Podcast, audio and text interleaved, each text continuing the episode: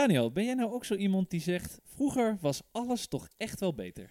Nou, nee, eigenlijk helemaal niet. Eh, veel dingen zijn nu veel beter, sneller, simpeler. Eh, hè, dingen als eh, met je mobiel betalen of dat je online allemaal dingen regelt of restaurants reserveert, dingen bestelt. wat heb je nog meer belastingaangifte doet vakanties kun je boeken, je kunt in- en uitchecken tegenwoordig via de app. En ja, dat soort dingen zijn op dit moment toch echt wel beter. Oké, oké, oké. Nou ja, en weet je, uh, deze zaken zijn natuurlijk op zich vrij objectieve dingen, hè, meetbaar. Maar ook uh, softere zaken als uh, kunst, muziek of films. dat mensen zeggen dat dat toen beter was. Dat is toch best wel arbitrair, weet je. Vroeger nee, je, eens, ja, ja. nee, je had, je had geweldige filmideeën zoals Star Wars of zo. Maar daar durf ik op, op zich, als je daar dan een uh, huidige concurrent tegen, uh, tegenaan moet zetten, dan heb je bijvoorbeeld Game of Thrones. Weet je, dat is toch ook echt een episch uh, stukje content. Ja, en, um, ja, ja, ja. ja je, tegelijkertijd had je natuurlijk ook het A-team hè, vroeger. en nu heb je 13 Reasons Why, dus dan wint de A-team. maar goed, dames en heren, mijn naam is Daniel Kok. En Thijs, hoe zit het met jou? Wat vind jij? Nou ja, ik moet zeggen, gek genoeg ben ik hier misschien toch wel wat, wat strenger en, en anders in dan jij. Hoe, hoe gek dat misschien ook moet klinken, maar... Kijk, het lijkt misschien aan de ene kant een groot voordeel te zijn, hè, dat vanwege technologie en alle apps uh, al, alles sneller en, uh, en beter is. Meer, groter, je onbeperkte keuze hebt, alles oneindig schaalbaar lijkt. Maar ik moet zeggen, we komen er toch met elkaar wel steeds meer achter dat bepaalde traagheid en, en tijd die vroeger bepaalde dingen kosten, misschien ook wel nodig waren Ja. hè, om, om alles een beetje in ons brein te kunnen verwerken. Dus Ja, ja, nou, ondanks dat blijf ik natuurlijk wel eh één grote informatiejunkie. Mijn naam is Thijs van Dijk. Welkom bij aflevering 43 van Bakkie Media alweer. Ja, die onbeperkte groei, eh, dat is eh, wel een beetje uit op dit moment. Hè? Vanwege nou ja, dingen als de impact op het klimaat. En, eh, maar ook ja, de, de, de corona-lockdown dwong ons toch ook een beetje in een Ja. soort nachtdenklichkeit, om het in goed Nederlands te zeggen. En een vorm misschien ook wel van minimalisme. Daarom noemen ze het ook een slimme lockdown. Kijk, daar word je tweetalig van, of drie. Maar goed, eh, pas op de plaats dus. maar ook terugkijken, leren van oude dingen, terugpakken naar het verleden. En dat is dus nu ook net datgene waar, wat we vandaag gaan behandelen, eh, Thijs. Retro, nostalgie. Oeh. Ja, en we hebben zelfs twee, eh, de persgroep DPG heet het tegenwoordig, kanjers bereid gevonden eh, om hun mening daarover te geven. We hebben Willem Albert Bol, vriend van de show, directeur Business Development en eerste echte grote vriend van Bakkie Media. En ja, Daan Jonge. Strategie en concept manager bij Media Lab. En ook nog eens een keer een fervent Twitter-koning. Was hij niet ooit eh Twitter-kampioen of zo? Wereldkampioen? Ik weet het niet. Ja, hij, twi hij twittert erop los. Hij Ja, twittert, hij precies. twittert meer dan jij in elk Maar geval. goed, eh, ja, nou ja, dat is niet zo moeilijk. Maar goed, eh, hij heeft dus ook wat te zeggen over ehm, retro, maar ook over lovable en unlovable. Oh, brands. lekker hoor. We krijgen er gewoon twee voor de prijs van één vandaag. Een oude en een nieuwe vriend van de show. ehm, die alle twee dus een beetje terugkijken. En ja, jij en ik, wij gaan ook een beetje retro vandaag. Hè? Want de studio's bij Salto en de HVA zijn vanwege vakantie gesloten. Dus wij zitten nu met onze oude vertrouwde microfoons. En ik heb nu ook eindelijk een plofkap. En de thuisstudio bij mij aan de keukentafel. Helemaal lekker in het thema. Is dat Nou, leuk? en het leuke is, we hebben ook een assistente, maar die doet eigenlijk niks. Nee, die zit boven. Die zit heel gesloten. maar goed, eh, ja, eh, Thijs, eh, om direct van start te gaan, denk ik dat we me- meteen maar moeten beginnen met onze ja, oudste vriend van de show. Oh ja, leuk. Ja. Willem Albert, wat heb je voor ons in petto? Met vriend van de show Willem Albert Bol hier. Ik eh, wil jullie echt gaan vragen stellen. Wat jullie visie en jullie mening is op het gebied van retromarketing.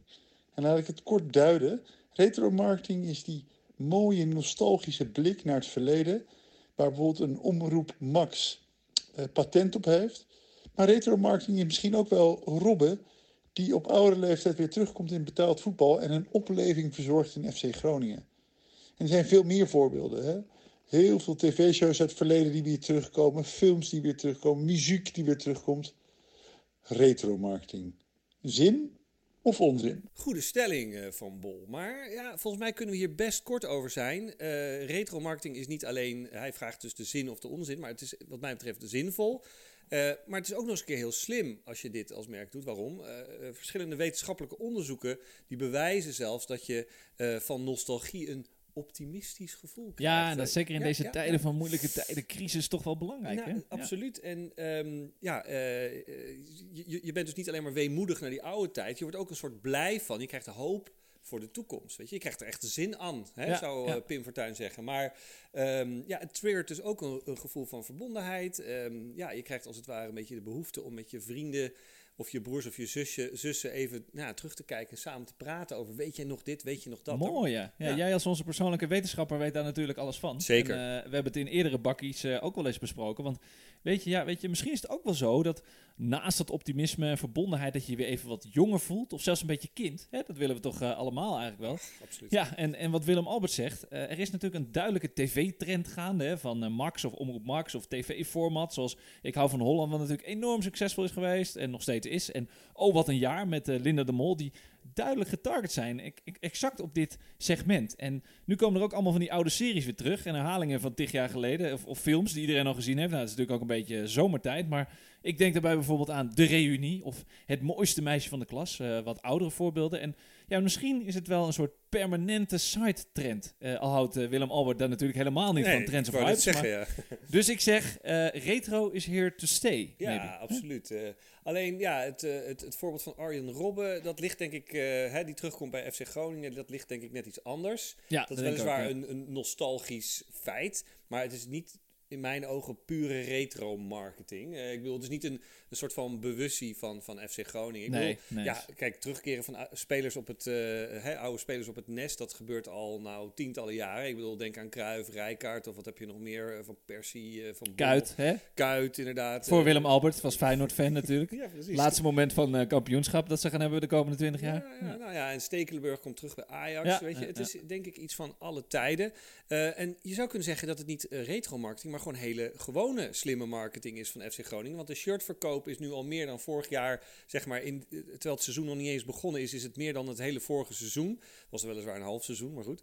Eh, en ook de social media volgers zijn dus met 30% gestegen. Hè? En vooral uit het buitenland. Eh, ja, ik denk toch dat, dat er ook weer flink wat Duitsers nu naar FC Groningen Ja, dat denk ik ook. Ik zag wel dat, dat Arjen bij de eerste training alweer ja, verstek moest laten gaan. Omdat hij toch niet helemaal fit was. Maar dat doet hij overal. Dus- doet hij overal. Dus dat is, wel- en wat dit wel doet ook, hè, dat, dat verhaal van Arjen, is dat een mega gevoel van nostalgie oproept. Hè? Zo van terug op het oude nest, de oude held uit Bedum. Weet je, als, als eh, FC Groningen nou slim is, dan brengen ze ook wat vintage shirts uit in een shop. Weet je wel, van het eerste shirt dat hij droeg of zo. Of een eh Robert Toupet, zou ook leuk ja, zijn. toen had hij gewoon nog haar. Dat klopt inderdaad. Eh, maar goed, inderdaad, ik, zit, ik zat ook te denken, vintage shirt. Volgens mij is dat shirt van FC Groningen echt niet veranderd. Nee, Dat het is sowieso redelijk vintage. Weet je, uit de tijd dat hij in zijn 16-jarige zijn debuut maakte, is nog steeds hetzelfde. Ja, hoe heet hij ook weer? Joop Gal en zo. En eh Harris Huizing. Ja, nou Huizing. goed, en, en natuurlijk Mariano Bombarda. Hè? Wie kent hem niet?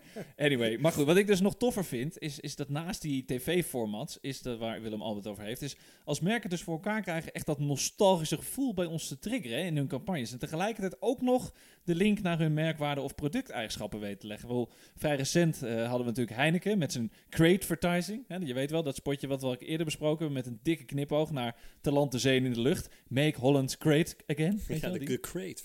Ja. Maar goed, Heineken is er sowieso sterk in hoor. Weet je wel? Dat ze dus culturele of retro-iconen creëren. Zoals met, eh, met die skileraar met beertje. Weet je wel? Die, Rudy. Ja, precies. Oh, Rudy, zo heette die Ja, inderdaad, ja. inderdaad. Nou ja, goed, alleen al die term is al heel goud en, eh, en ook triggert ook allerlei eh, eh, herinneringen. Maar ook, eh, ja, je had ook Calvé met die oude campagne, met wie is er niet groot mee geworden. Er Zeker, zat ja. ook nostalgie in van de jeugd van bekende sporters. van, hey, oké, Pietertje, kom jij maar eens even wisselen. Ja, wel. schitterend. Ja. Pieter van de Hogeband, die even zijn voetbalshirt doet om in de sloot te duiken. of Lieke Martins, die in de regen dribbelt, omdat de trainer had gezegd, kom jongens, we gaan naar binnen. En ze had gezegd, ja, ik ben toch geen jongen, weet je wel. Ja, Ah, echt mooi, Ja, Calvé. Hey, maar wat ik dan ook zo'n eh, eh, briljant voorbeeld vind, wat iets recenter is hè, van dit alles, is een eh, voorbeeld van vorig jaar. We hebben het hier ook alweer vaak over gehad. Het lijkt wel alsof we onszelf ook een beetje herhalen. Val een beetje in herhaling in de retro-uitzending. Precies, maar denk terug. je hebt natuurlijk de, de, nou, een van de meest succesvolle Netflix-series ooit, hè, Stranger Things. Wie kent hem niet? Ik bedoel, dat is echt de vraag. Maar dat is op zich al een retro-marketing-succes succes aan zich. Hè. De serie is volledig in de jaren 80-stijl gemaakt, tot aan de muziek aan toe. En het gaat, voor degene die het niet kent, over een groepje vrienden die paranormale avonturen met het meisje Eleven. Oh, dat is een okay, ja, heel ja, mooi ja, verhaal. Ja, ja, nou ja, en wat je al zegt, er zit een enorme knipoog naar de jaren 80, uh, maar ook naar dus specifiek naar jaren 80 films. Hè, zoals uh, E.T., The Goonies, The Poltergeist, The Nightmare on Elm Street. Uh, ik denk niet dat jij die, die allemaal gezien hebt, toch wel? Nee, nee, dat klopt. Alhoewel, ik moet zeggen, The Goonies en E.T. heb ik natuurlijk wel De Goonies had je de vorige ja, keer nog niet gezien, nee, toch? maar ik kijk altijd dingen terug, hè, die jij dan, die jij dan opdoet. Maar die andere die je noemt niet. Maar, en ik las onlangs, een klein beetje een spoiler voor degene die dat nog niet gezien heeft, maar goed, ik kan me niet voorstellen. Het, het, een, een monster uit de serie, de, de Demogorgon. eh, die is gebaseerd op het monster uit de film van Alien. Ja. Ook weer zo'n klassieker uit de jaren 80. Ja, ja, ja, ja. Maar goed, eh, Coca-Cola is dus bij die introductie van dit seizoen 3 eh, briljant hierop gaan meeliften. Dat is even dat ik, wat ik uit wil lichten hier aan het verhaal. Is dat moet ik heel even kort introduceren en uitleggen aan mijn mede-millennials. En voor de mensen die dus deze serie nog niet hebben gezien. Ja, Coca-Cola voelde in mid jaren 80 eh, de hete adem van Pepsi. Nou, dat kun je nu eigenlijk niet meer voorstellen, Nee. maar dat is toen wel. Eh, Pepsi was namelijk zoeter. En Coca-Cola heeft toen eigenlijk hun recept aangepast naar wat ze toen noemden de New Coke. Beetje Ja. gebaseerd op de, de New Hope. Maar goed, dit, dit flopte compleet hè, toen de tijd. Ik bedoel, dat heb jij me weten te vertellen, want in Ja. de jaren 80 was ik eh, net geboren. Ja. Ehm, en binnen drie maanden hebben ze dus eigenlijk alles weer teruggedraaid naar het oude. En wat Coca-Cola nu doet, is dat ze dus eenmalig een limited edition van deze New Coke uitbrengen ter ere van deze serie. En dat die gasten dus ook drinken. Dat Ja, en toen mooi. het was zo'n flop dat ze uiteindelijk toen weer Coca-Cola Classic, weer eh, de Coke Classic weer terug. Maar ja. dit is dus wel echt vet hoor. Ik weet niet of, of, eh, of we dat helemaal goed uitgelegd krijgen. Maar wat Coke eigenlijk doet, is eh, die herintroduceren een, een, een subbrand wat eigenlijk in feite een flop was. Weet je wel, puur en alleen om dat nostalgische gevoel en de herinneringen aan die tijd te triggeren. Want Ja, ze hebben natuurlijk zo ontzettend veel geld toen uitgegeven aan de New Coke. Dat iedereen herinnert zich wel dat fenomeen. En het heeft ook een bepaalde eh, charme gekregen. Een bepaalde iconische charme. En ja, weet je, dan ben je toch als merk ben je toch wel echt een, een winner. Weet je wel? Dat je zoveel vertrouwen hebt in je brandstory. Dat je zelfs de mislukking, eh, mislukkingen gebruikt om retro gevoel te triggeren. Ik vind Ja, dat echt wel een heel mooi voorbeeld. het wel heel vet ook. En ik, ik las trouwens ook in, eh, in Ad Age, dat dus dat nostalgie-marketing of retro-marketing, waar we nu eventjes aan appelleren, specifiek voor mij als millennial dus heel goed werkt. Hè? Omdat deze, Leuk voor jullie. Ja, omdat deze generatie, dus nog meer dan andere groepen, heel erg gefocust is op waar een eh, bedrijf voor staat. Hè? Ze zijn heel erg op zoek naar die geloofwaardigheid en die echtheid, naar die purpose. Daar is die weer, hè? onze purpose marketing. Ah, purpose. Why, the Ehm, why. Simon why, de why, ja. Nee, Ja. maar heel vaak hebben ze dus zelf, ik ook niet, hebben ze zelf die originele momenten dus niet meegemaakt. Eh, zoals bij jou met een paar van die films eh, die je net opnoemde. En, Ja. Maar toch willen wij, zij, hè, ik ben natuurlijk ook eh, onderdeel van, Ja. dat retro gevoel ervaren. En ja, in deze campagne van Coca-Cola voel je, voel je aan alles dat dat wel klopt. Want ook in die serie dacht ik, hè, maar wat is dit nou voor merk? Ik vond het wel heel nice gedaan. Het ging me echt wel, ja, ik moest er echt wel over nadenken. Ja, Echt, eh, precies. heel tof. En, en het is eigenlijk inderdaad een beetje een soort van cadeautje als je dat gaat, eh, gaat googlen. En uitpakken. deze Ja. generatie, jou- jouw generatie natuurlijk ons super savvy eh, online. Dus die gaat dan zoeken en die, die, die, is heel, wordt er heel blij van als er Ja. dan zo'n mooi verhaal achter, eh, achter zit. Maar over millennials en hun verhalen gesproken. Jou horen we natuurlijk iedere bakkie heel Ja, uitgebreid. hè? iedereen helemaal moe van. Ja, Ja, dat precies. snap ik ook wel. Nou goed, we hebben een unieke nieuwe gastquote. Dat is de heer Daan Jonge. Ook inderdaad echt zo'n zo'n social beest. En ehm, die, ja, die gaat ons een visie voorhouden die ook wel een beetje lijkt op het verhaal van New Coke. Eh, hij geeft ook eh, aan dat bepaalde kleurloze merken zoals eh, Lidl en Zeeman juist bepaalde knuffelbaarheid kunnen krijgen. Juist door hun sufheid. Nou Daan, take it away zou ik zeggen. Hey mannen van Bucky Media, Daan Jonge hier. Ik moest denken aan toen ik een jaar of veertien was. Ik liep op de middelbare school en de man die achter de balie in de kantine stond had een shirt aan van Como. Ja, Como, het merk dat vuilniszakken maakt. En ik dacht, waarom trek je in godsnaam een shirt aan van een vuilniszakkenmerk? En even later dacht ik, hoe vet is het eigenlijk dat je een shirt aantrekt van een vuilniszakkenmerk?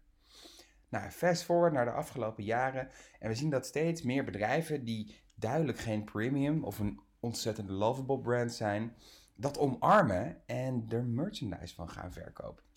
Recent was het Lidl die met t-shirts eh, en slippers op de proppen kwam. Maar daarvoor natuurlijk ook Zeeman en Febo die eigenlijk een soort van eh, ja, het omarmd hebben dat ze niet een lovable brand zijn en het daardoor dus zijn geworden. Ze, hebben, ze ownen het en ze spreken zich uit. En mijn stelling voor jullie is dan ook dat je van elke duidelijke unlovable brand een lovable brand kunt maken door het te omarmen. En het hoeven niet alleen budget brands te zijn. Dus als je een tendens of een gevoel ziet, own it en spreek je uit. Er gebeurt zoveel, er zijn zat kansen, ook voor grote merken. Dus je kan best wel tof inhaken als er iets gebeurt. Bijvoorbeeld Ralph Lauren. Er was best wel veel kritiek over dat het logo steeds groter wordt. Hoe hard zou het zijn als het logo ineens net zo groot is als het hele t-shirt? Of als corona. Moeilijk deze tijd. Maar als zij gewoon alleen in tussenhaakjes onder de titel zouden zetten: The Bear. Omdat iedereen toch die connotatie met het andere heeft. En zo zijn er heel veel dingen die je als groot merk kan doen, maar je kan het ook simpel houden. Pak social. Daar hoef je namelijk geen volledige brand turnover te doen, maar kun je wel merkbinding creëren. Er is namelijk al een andere verwachting van het medium en van het platform. Als je daar uitgesproken durft te zijn en een mening durft te hebben, dan valt dat op. It's the time to be savage. En mensen denken, oh ja, dat is dat ene bedrijf dat altijd zo scherp en vet is op social media. Kleine connotatie, maar je hoeft verder niks met je merk zelf te doen. Daarnaast gaat jullie eh, aflevering over retro. En wat mij betreft werkt retro twee kanten op. Enerzijds wekt het nostalgie op van een ene generatie. En anderzijds eh, is de connotatie van de jongere generatie een soort van oldschool cool. En ik moet dan zelf altijd denken aan als ik muziek of kleding of een stijl aan mijn ouders laat horen. Dat uh, mijn vader dan zegt, hé hey, ja, maar dat ken ik van vroeger al. Terwijl ik denk, hey, vet, dit heb ik zelf ontdekt. Dus ik denk dat uh, retromarketing een hele slimme manier is om meerdere generaties aan te spreken. Wow, ja, dat was echt een indrukwekkende eerste quote vandaan. Hè? Ik bedoel, kijk, dat, uh, Willem Albert, uh, eat your heart out. Ik bedoel, deze jonge complimenten. En uh, ja, goede stem heeft hij ook, vind je niet? Ja, goed gedaan, Daan. En het was eigenlijk een soort micro-column. een soort mini-podcast. ja. ja. precies. Ik bedoel, er zaten stellingen in, maar hij had heel veel mooie ideeën en observaties. hij heeft heel veel dingen aangetikt. En uh, ja, ook wel heel veel voorbeelden gegeven dat ik eigenlijk even niet weet waar ik moet beginnen. Je bent een beetje lost. ja, een beetje ja. lo lost is het trouwens lost, ook een mooie serie. Ook een mooie serie maar goed, um, wat er interessant is, is dat uh, Daan het in zijn quote dus uh, nou, toch een beetje anders bekijkt.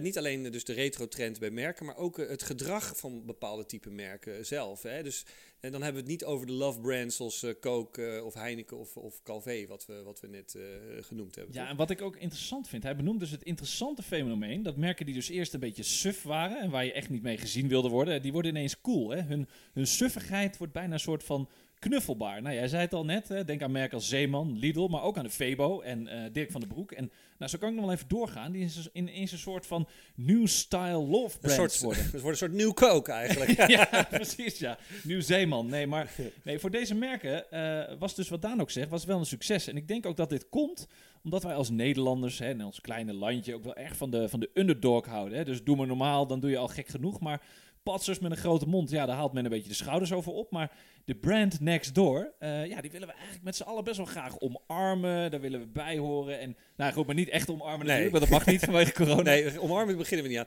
Ja, dat is ook de reden dat er dus ook zo hard geknokt wordt door, uh, voor, voor merken als Hema en KLM. Weet je wel? Dat We Love Hema. Heb je trouwens dat gelezen, dat artikel? Er is nu een, uh, echt nu een soort uh, fractie opgericht van We Love Hema. Die gaan met z'n allen, krijgen we aandelen in de Hema. Ik las er gisteren een artikel over. Dat deelde een andere vriend van de show, Robert van der Ham. Die zei, nou, we hebben nu echt een soort crowdfunding platform opgericht. En dat heet dus ook WeLoveHema.nl. Oh, dat briljant. Wel tof. Nou, ik uh, was uh, een paar weken geleden was ik uh, in de buurt van Parijs met, met de family. En toen liepen we door een of andere shoppingmall op weg naar de Carrefour. En daar was de Hema. daar was gewoon de Hema. En het stom is dat je dan toch zo'n gevoel krijgt van... Hey, Kijk, thuis. Hema. Toch een beetje nostalgie. Maar eerlijk gezegd, ja. we zijn niet naar binnen gegaan. Maar ja, aan de andere kant, ik bedoel, wij kunnen thuis ook naar de Hema. Dus wel altijd niet echt uh, Parijs nodig. Je wil niet naar de, de Emma, in de, de, de Emma, Franse Emma. Emma. Maar je, hebt, je, had hem volgens mij ook in, in Dubai ergens. Maar weet je, Thijs, toch is dit uh, een fenomeen waar we het over hebben. Uh, weet je al, dus dat de, wat, wat merken doen of die ook proberen, zeg maar een beetje suffige merken, weer wat leven in te blazen. Dit is een fenomeen dat ook wel langer bestaat. Hè? En toen ik dit hoorde, dit verhaal van Daan, moest ik ook direct denken aan een voorbeeld wat nou ja, volgens mij al 50 jaar oud is, uh, uit de jaren 70. Toch weer een beetje terug naar jouw tijd. Ja, Vind ik dat maar fijn? ik bedoel, ook om even ja. te bewijzen dat, dat dit misschien niet iets per se is uh, van nu. Het is het logo van I Love New York. Ken je die? Dus I hartje New York. Nee, ik ken alleen I Love Amsterdam. Nou, die, die ja, maar goed, dat, dat is de doorvertaling ervan, denk ja, precies. Ja. Die hebben dat in uh, 2005 of zo bedacht. en dit is echt 50 jaar geleden. Maar goed, het is eigenlijk de eerste keer dat er echt een emoji werd gebruikt met dat hartje, I hartje New York. Ah, en mooi. ja, voor die tijd bestond dat hele city marketing uh, niet eens. Maar uh, door dat logo werd dat wel ook in één keer hip. Want wie gaat er nou met een, met een trui lopen, met, uh, met iets over, over een stad? Maar goed, ik had dus ook inderdaad een t-shirt met I, I hartje Mooie babyboomer woord gebruik je ook weer, Daniel Hip. En ik ja. denk wel dat het tijd is, hè, de volgende keer dat jij dat shirt ook aandoet voor onze Instagram volgens. Want ik wil gewoon bewijs hebben dat je dat, dat, je dat daadwerkelijk hebt. Hè. Nou ja, voor I Love Amsterdam. Voor, voor mij was ik acht, dus dat ziet er wel heel grappig uit. maar goed, ja, het is inderdaad een beetje, ja, goed. Maar um, ik, ik vraag me af of deze trend met, met zeg maar die nerd brands of dat dus inderdaad een Nederlands eh, ding is. Of dat, of dat inderdaad niet ook eh, over de grens is. Wat, wat denk jij? Nou ja, jij maakt wel een punt met die city marketing. Hè? Kijk, ik geloof wel dat dit eh, de afgelopen tijd wel een soort lokale trend is geweest. Met al die voorbeelden hier. Ik bedoel, ik heb er niet heel veel wereldwijd kunnen vinden. Maar wat dacht je bijvoorbeeld van Lidl wordt Lidl? Hè? Samen met onze vriend eh Bo van Erfurt Rond de kerst was dat toch? Ja. Ja, vroeger wilde hij niet gezien worden in de Lidl, maar nu kan je er het beste vlees, de beste groenten halen en positioneert Lidl zich dus echt als een kwaliteitssupermarkt. En nou ja, en wat dacht je dan van, eh, van de Zeeman, Daniel? Hè? Altijd een merk geweest voor de kleine beurs. En ineens stonden ze, nou, nou ja, het is bijna tien jaar geleden, met een mooie truc en een gele zwembroek op de Fashion Week. Ik vind het wel jammer dat ze niet eh, Dries Roelvink hebben gevraagd toen, maar goed, dat is inmiddels eh, oud nieuws, denk ik. Nou ja, die is dan denk ik ook niet zo heel erg hip. En, maar goed, weet je, er zal ook nog een campagne voor de betaalbare bruidsjurk. Oh ja, ja voor klopt, iedereen. En eh, nog de Zeeman sneakers kan ik me nog herinneren. Dus eh, ja, dat, eh, dat is ook wel echt van een C-merk. is dat opgeklommen tot, tot een merk wat cooler wordt gevonden. En ehm, ja, dat is ook op een bepaalde manier... C-merk, mooie woordspeling. Ja. Maar goed, ze zijn dus ook dus een soort love brand geworden. Dat, dat zie je wel, wel gebeuren dan. Nou, wat een ander voorbeeld waar Daan mij laatst op attendeerde, vond ik ook wel leuk. Dat was de ANWB. Die kwam dus met een speciale editie camping slippers uit. Dus ze gaan op deze manier een beetje op zoek naar het hipste campingstel van Nederland. Wel toepasselijk in deze tijd, nu iedereen op de camping zit. Maar die, Da- Daan had er dus een bericht aan gewijd op Twitter. Eh, en eh, nou, daar heb ik op gereageerd met een soort van... Nou, wie past mijn eh, gele muiltje op de camping? Maar het leuke was dat ze Daan dus ook een baan aanboden bij de ANWB. Omdat hij een paar creatieve ideeën had. En toen zeiden ze... Nou, Daan, wil je niet komen werken als marketeer? Maar Daniel... Dat wilde die niet. Nee, dat, dat wilde je Zo hip was het ook weer niet. Hij zat, nee, hij zat, hij zat, hij zat nog goed bij, bij DPG, dus hij was nog niet op zoek naar een baan. Maar het is een beetje dating in de polder, hè. Dat is een beetje niks, is er niks bij. Maar goed, de ANWB bewandelt dus ook dat pad. Ehm, en ze noemen het zelf ook een tikkeltje retro. Dus dat was ook wel, eh, wel een leuke ja, link naar ons, eh, naar ons onderwerp van vandaag. Dus, ja, nee, Daan maakte ook een paar hele goede opmerkingen over het hele eh, retro-verhaal.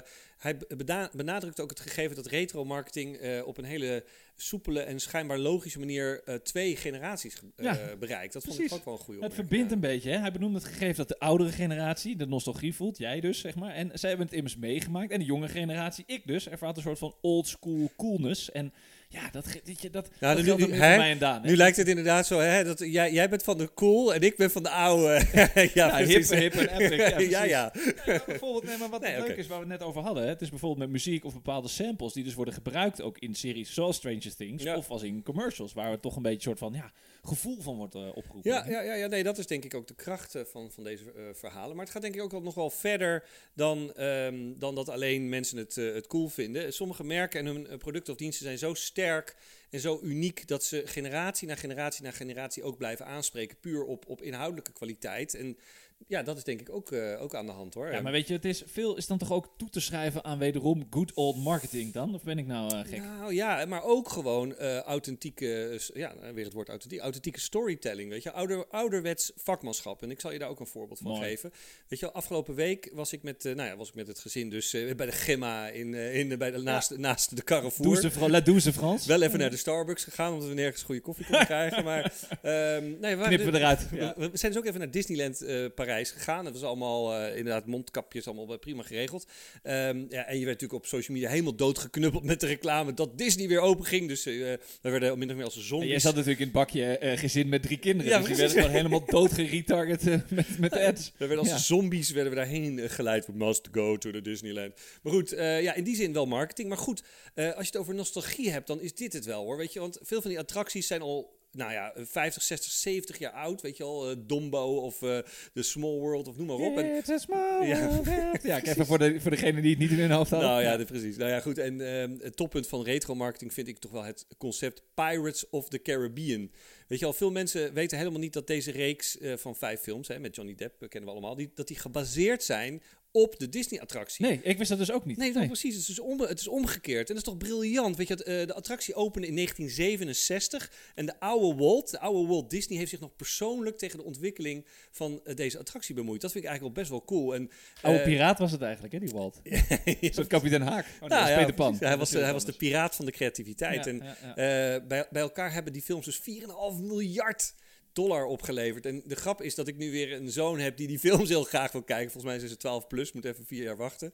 Maar eh, we hebben dus uh, eergisteren weer een Disney-abonnement uh, afgesloten. En ik heb gelijk hun gedwongen Peter Pan te laten te, te, te, kijken. Ah, mooi. En nu zitten ze inderdaad, ja, toen ik ze net achterliet, zaten ze ook weer, weet ik het wat ze allemaal aan het kijken waren. Ze waren de, de, de Lady in de Vagebond. De Incredibles, Lady in Vagebond hebben ze inderdaad gekeken. En zo blijft dus letterlijk de magie uh, hè, wat ze zelf ook zeggen, de Magic Kingdom, Kingdom van het merk uh, in stand. Dat ah, jij draagt daar gewoon bij. Een soort Circle of Life. Net als bij uh, The Lion King. Nou, die hebben we ook gekeken. Ja, is ook van Disney. Dus ja. nou ja, een, een, ander mooi voorbeeld in dit verlengde van jouw verhaal. Want ik, ik heb jouw hele verhaal natuurlijk gevolgd in Disneyland. Ik krijg ook allemaal prachtige foto's van de kids met mondkapjes op. Met, met, van die, van die, van die muizenoortjes. Ja, van die blije muizenoortjes. Maar het zag er in ieder geval niet zo druk uit. Dus ik denk dat je naar je zin hebt gehad. Maar Zeker. Wat ik ook een leuke vond, was, was Lego. Hè. We hebben het daar eerder ook al over gehad. En eigenlijk het mooie aan Lego vind ik dat zij uh, zichzelf elk decennium soort van opnieuw uitvinden. Hè. Veel papa's en mama's hebben hier namelijk vroeger zelf ook meegespeeld. Ik ook. Ik was niet zo heel goed in. Mijn moeder zei altijd, nou ja, ga maar niet meer, uh,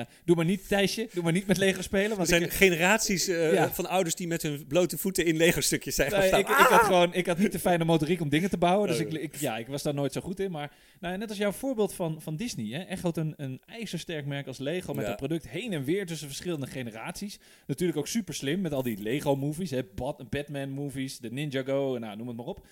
En dit was ook een van die merken die dus enorm heeft geprofiteerd van de crisis. Wat ook wel weer grappig is, want recentelijk was er het programma, het succes van het televisieprogramma uh, Lego Masters. Nou, dat werd uitgezonden aan het begin van de lockdown. Nou, dat is iedereen massaal gaan kijken, hadden massale ja. kijkcijfers. Miljoen, miljoenen kijkers, ja. ja. En in die periode steeg dus ook de verkoop van Lego Classics dozen, dus die, die basisonderdelen die je niet aan mij uh, moet geven, bij uh, bol.com met bijna 250 Ja, sick, ja. En dat kwam dus door, voor een groot deel door de volwassenen die dachten: oh ja, het is eigenlijk best wel leuk om weer even met Lego te spelen. En dat dan weer met de kinderen te doen. En, en in de Kalverstraat is er dus een Lego store voor jong en oud. Ik, ik word er bijna nostalgisch van. Ik ben er niet binnen geweest trouwens. Nou ja, weet je, over retro-trends uh, gesproken, Thijs. Volgens mij uh, is het uh, tijd om er een eind aan te breien. ja, ja, nou dat heeft volgens ja, mij ook wel een, een opleving gehad, het breien klopt, tijdens de klopt, coronatijd. Klopt, dat las ik inderdaad. Ik denk dat ik de naalden er maar eens bij ga pakken. Alhoewel, of dat nou een goed idee is. En de koffie. Hey dames en heren, dit was Bakkie Media. Uiteraard is deze aflevering terug te luisteren op Soundcloud, Spotify en Apple Podcast. Ook zijn we te vinden op de platformen van onze mediapartners, de Adformatie en de Ondernemer. Op social media zijn we ook te vinden op Twitter via @bakkiemedia, op Instagram via @bakkiemediapodcast en ook op Facebook voor onze familie en vrienden via Bakkie Media. En vergeet vooral niet te liken, te sharen en te commenten. Tot volgende week. Doei.